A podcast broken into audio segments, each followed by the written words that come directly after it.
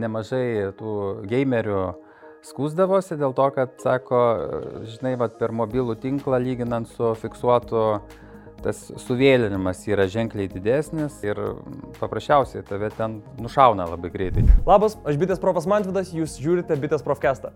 Čia kaip visą laiką kalbame apie technologijų įdomybės bei naujienas. Šiandien pakalbėsime apie ryšio technologijas su ryšio technologijų specialistu Gintu Butėnu. Sveiki. Sveiki. Iš karto pradėsiu nuo paprasto klausimo. Kadangi tenka dirbti su technologijom, kas labiausiai, pavyzdžiui, šiuo metu įdomiausia darbe ir kuo galima būtų dabar pasidalinti?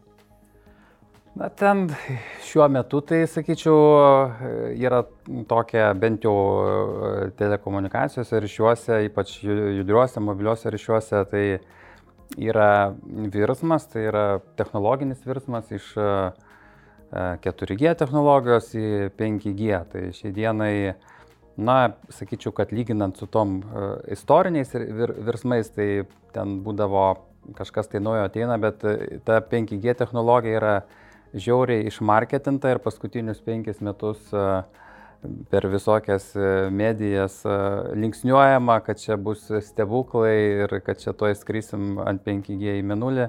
Tai sukelti labai didžiuliai lūkesčiai mm. ir žmonėm yra didžiulis hypas ir visi laukia, kasgi čia bus ir vienu žodžiu kažkokio tai didžiulio stebuklo. Tai iš tos technologinės pusės galiu truputėlį nuvilti, kad gal nebus čia tokio didžiulio kažkokio stebuklo, bet bet kokiu atveju proveržys technologinis įvyks tam tikras. 5G, prieš tai buvo kitas skaičiukas 4G, 3G ir taip toliau. Kas yra tas skaičius? Pa, tiesiog paprastai žodžiais, paprastai suvokimu 5G. Ką reiškia skaičius ir raidė? Na, G raidė yra nuo angliško žodžio generation ir paprasčiausiai tau parodo ryšio kartą arba epochą, tarkim, ir e, judrusis ryšys gal ir buvo kažkada zero G, kur, ta prasme, e, su racijom karo metu bandė šnekėti, bet šiaip toks ryšys, kuris skirtas jau plačiom masėm ir žmonėm, tai prasidėjo nuo 1G ir buvo iš principo mm, pirmoji komunikacijos priemonė kaip judrusis telefonas. Ir skirtas buvo pokalbiam.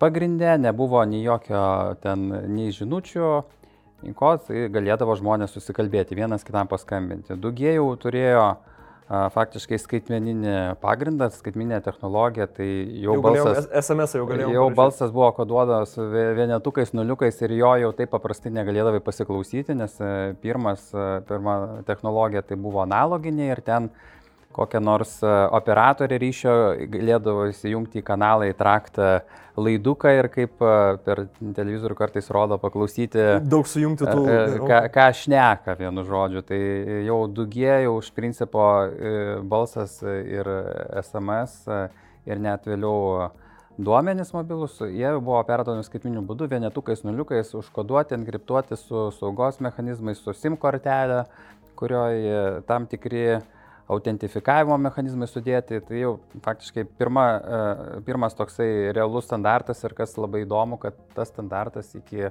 šiandien yra puikiai išgyvenęs ir dar plačiai naudojamas e, visokiom apsaugos sistemom ir nu, pigiam, tarkim, modemam kažkokiem, tai kurie daro labai kažkokias elementarias funkcijas, e, ten trekina kažkokį tai objektą, tai to 2G standarto kaip ir užtenka. Nu ir po to sekantis buvo G3G, tai tas 3G orientacija buvo į didesnius duomenų srautus ir mūsų, jeigu tai pasižiūrėt, pirmas 3G tas releasas vadinamas programinis, turėjo milžinišką spartą 384 kilobitus per sekundę, kas... E, išvertus į žmonių kalbą? Iš, iš, iš, išvertus į žmonių kalbą, tai e, kilobitus reiktų padalinti iš 8 ir gautųsi kilobaitais, Kilobaitai, tai, tai ta prasme ten... Uh, E, sakysim, galėdavai kažką tai nusiųs, bet e, šiandienos laikotarpį tai jau sakytum, kad labai prastas internetas, jau ten iš principo jo net ir naudotis nelabai galima ir gautum greičiausiai skundą. Ta 3G jinai buvo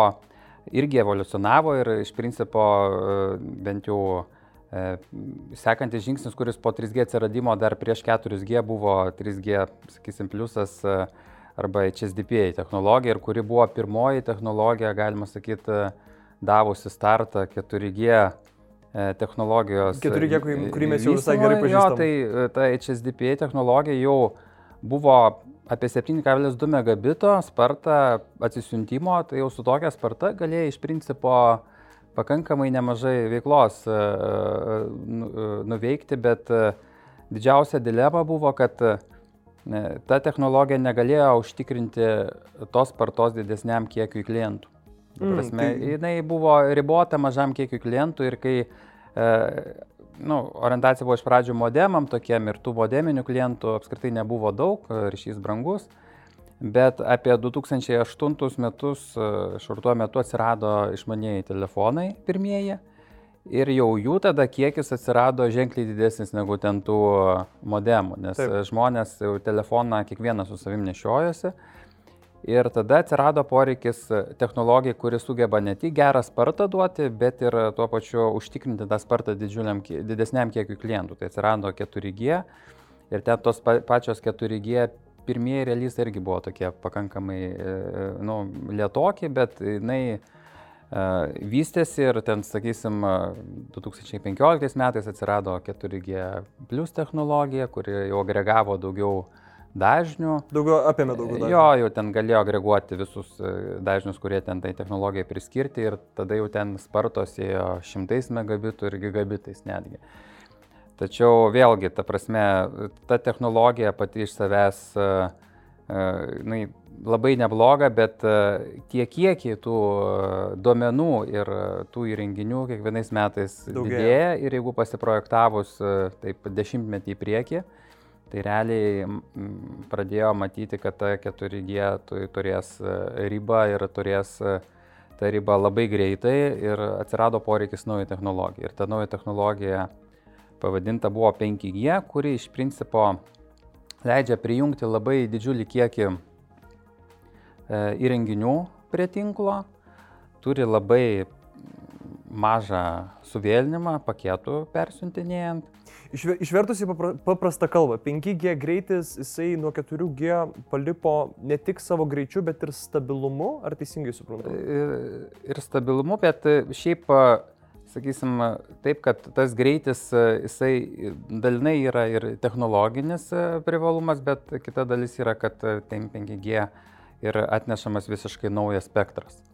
Ir, nu, didesni, platesni vamžiai, galima sakyti. Tai, mhm Ir pati ir... technologija efektyvesnė leidžia didesnius tuos vamzdžius panaudoti, tai jau daugiau duomenų gali e, persiuntinėti, aišku, tas ir stabilumą įtakoja. E, kaip ir minėjau, dėl tų pačių suvėlinimų paketų, tai e, tas suvėlinimas paketo jisai aktualus labai, tarkim, kokiam nors real-time žaidimuose, realaus laiko. Mhm. Tai, nes jeigu ten paketas truputėlį suvėlavo ateiti, tai tave galėjo ir nušauti. Tai tu, nu, vat, ir ta prasme, dėl ko nemažai tų gamerių skūsdavosi, dėl to, kad, sako, žinai, vat, per mobilų tinklą lyginant su fiksuotu tas suvėlinimas yra ženkliai didesnis ir šitą ir paprasčiausiai tave ten nušauna labai greitai, tiek pas kuriuos tas suvėlinimas yra mažesnis. Bet jeigu tiesiog tai. taip apibendrinant visą šitą, 1G skambinome, 2G rašėme žinutę, 3G interneto pradžia, Jo. 4G jau internetas ir patikimesnis, ir, kaip ir minėjom, greitesnis. 5G dabar tai, į ką visas pasaulis įeidinėja. Ženg, žengėme visi į 5G kaip ir sakėt, tas greitis tikrai padidės labai stipriai. Su 5G galima bus, jeigu su 4G galėjom žiūrėti video, kaip ir minėjau, 1080 mūsų standartiniu šiuo HD formatu, tai 5G siūlys dar aukštesnį, dar didesnį. Esu žiūrėjęs skaičiavimus, kuriuose rašo, kad 5G filmą bus galima legaliai prasisiųsti per 4 sekundės. Kaip ir minėjote, žaidimai. Žaidimai 5G ne tik, kad greitis didesnis, bet ir reakcija. Reakcija didesnė. Jau. Reiškia, galėsime turėti telefonuose netgi tuos žaidimus, kuriuos dabar turime, pavyzdžiui, kompiuteryje, bet turėsime ja. telefonę ir bus tas pats greitis, tas, ta pati reakcija. Taip.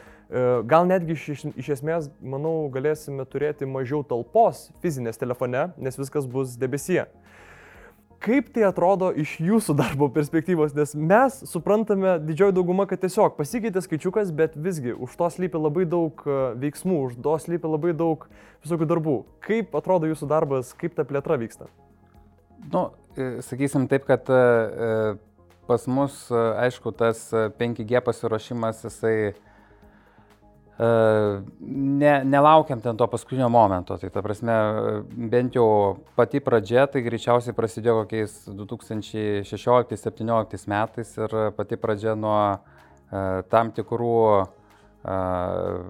irgi parodų dalyvavimo, susitikimo su įvairiais gamintojais, dalinimosi patirtis tarp, patirties tarp, tarkim, ryšio tiekėjo operatorių skirtingų, forumuose dalyvavimas ir iš principo, kada jau ta pati technologija atvažiuoja iki komer komercinės dalies, tai ten būna padarytas pakankamai didelis namų darbas. Įdirbis jau padarytas, kol pasiekia technologija. Jo, įdirbis. Tai šitoje vietoje pas mus tas įdirbis jau pakankamai yra nemažas ir šiandien turim, nu, kadangi bitė operuoja ir Lietuvoje, ir Latvijoje, tai mes jau turim gyvą 5G tinklą veikiantį Latvijoje komercinį ir tas komercinis e, nėra taip, kaip tarkim šiuo metu yra Lietuvoje, e, nes realiai Lietuvoje nėra nei vieno šiandien komercinio tinklo, yra testiniai tinklai ir Lietuvoje laukiame spektro aukciono, kuris turėtų atsirasti.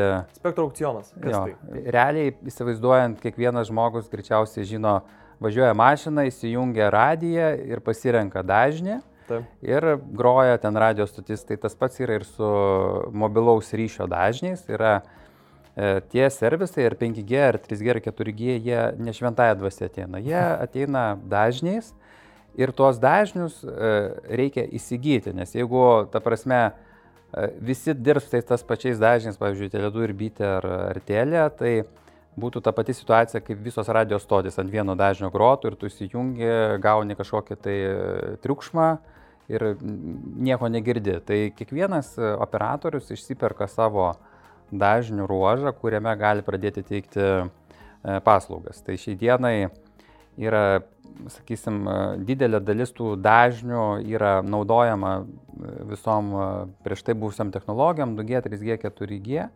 Ir 5G standartas reikalauja naujų dažnių, kad tuos servisus pradėtum teikti. Tai šiai dienai Lietuvoje aukcionai 5G dažniam nėra įvykę ir ten dėl tam tikrų, tarkim, kaipynų ir dėl tam tikrų prieš tai buvusių dalykų, kad jie buvo užimti kažkam, tai reikėjo mhm. juos atlaisvinti. Tai laukiame tų dažnių aukciono šitų metų antroje pusėje ir e, gavę tos dažnius pradėsime dėktis 5G įrangą. Paminėjot vat, tą aukcioną e, dažnių ir aš tai puikiai suprantu kaip vieną iš problemų plėtros. Gal dar yra kažkokių politinių, dar kažkokių papildomų, šiek tiek minėjote dėl kaimynų, bet dar kas galėtų trukdyti tai plėtrai? Ne, tai čia kaip ir kiekvienoje industrijoje, tai šiai dienai yra, tarkim, visokie, sakysim, niuansai dėl įrangos gamintojų, tai tarkim matom, kad e, pasaulis truputėlį pradeda polarizuotis, atsiranda rytai vakarai, yra draugiški kažkokie tai gamintojai, yra mažiau draugiškų gamintojų, tai matom, kad e, valstybė stengiasi įdėti kažkokius apribojimus, naudojant, e, tarkim, tam tikrą kinietišką įrangą, tai tas bet kokiu atveju iš operatoriaus pusės, kuo daugiau ten tų visokių apribojimų, tai yra papildomas galvos skausmas, tai yra konkurencijos mažinimas ir automatiškai e, technologinės plėtros e, apribojimas. Bet, nu, čia kiekvieno, sakysim, kiekvienos industrijos yra savo niuansai, tai aš galvoju, kad ten gal galiniam klientui ir netaip gal ir įdomu. Svarbu, kad matytų ženkliukai ir ten viskas dirbtų sklandžiai. Dėkui gintai. Pirmoji pokalbio dalis atėjo į pabaigą, laukite antrosios neužilgo. Na, jeigu turite papildomų kokių nors klausimų, tikrai juos būtinai užduokite mum bitės profam. Mus galite surasti YouTube, Facebook, Instagram arba didžiosiuose bitės salonuose. Aš Mantvidas bitės profas jums sakau iki.